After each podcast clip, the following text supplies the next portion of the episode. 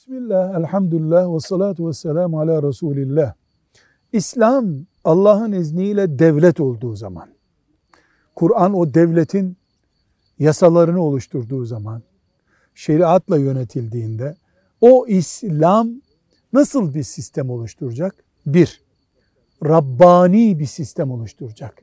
Yani Allah'ı, Rabbul Alemini yetkili ve etkili güç olarak gören, insanların birbirlerinden etkilenmediği, herkesin Allah'ın kulu olduğu bir sistem kuracak.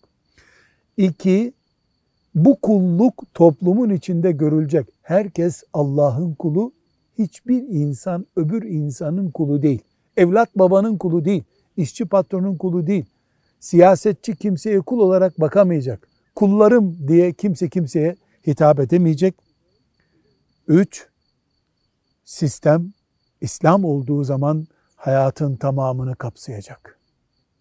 Laiklik dini camiyi dışarı atıyor. Kiliseyi dışarı atıyor. Teknolojiyi ve sosyal hayatı ben alayım diyor. İslam camiyle, fabrikayla, siyasetle, ziraatle hepsini aynı anda ele alacak.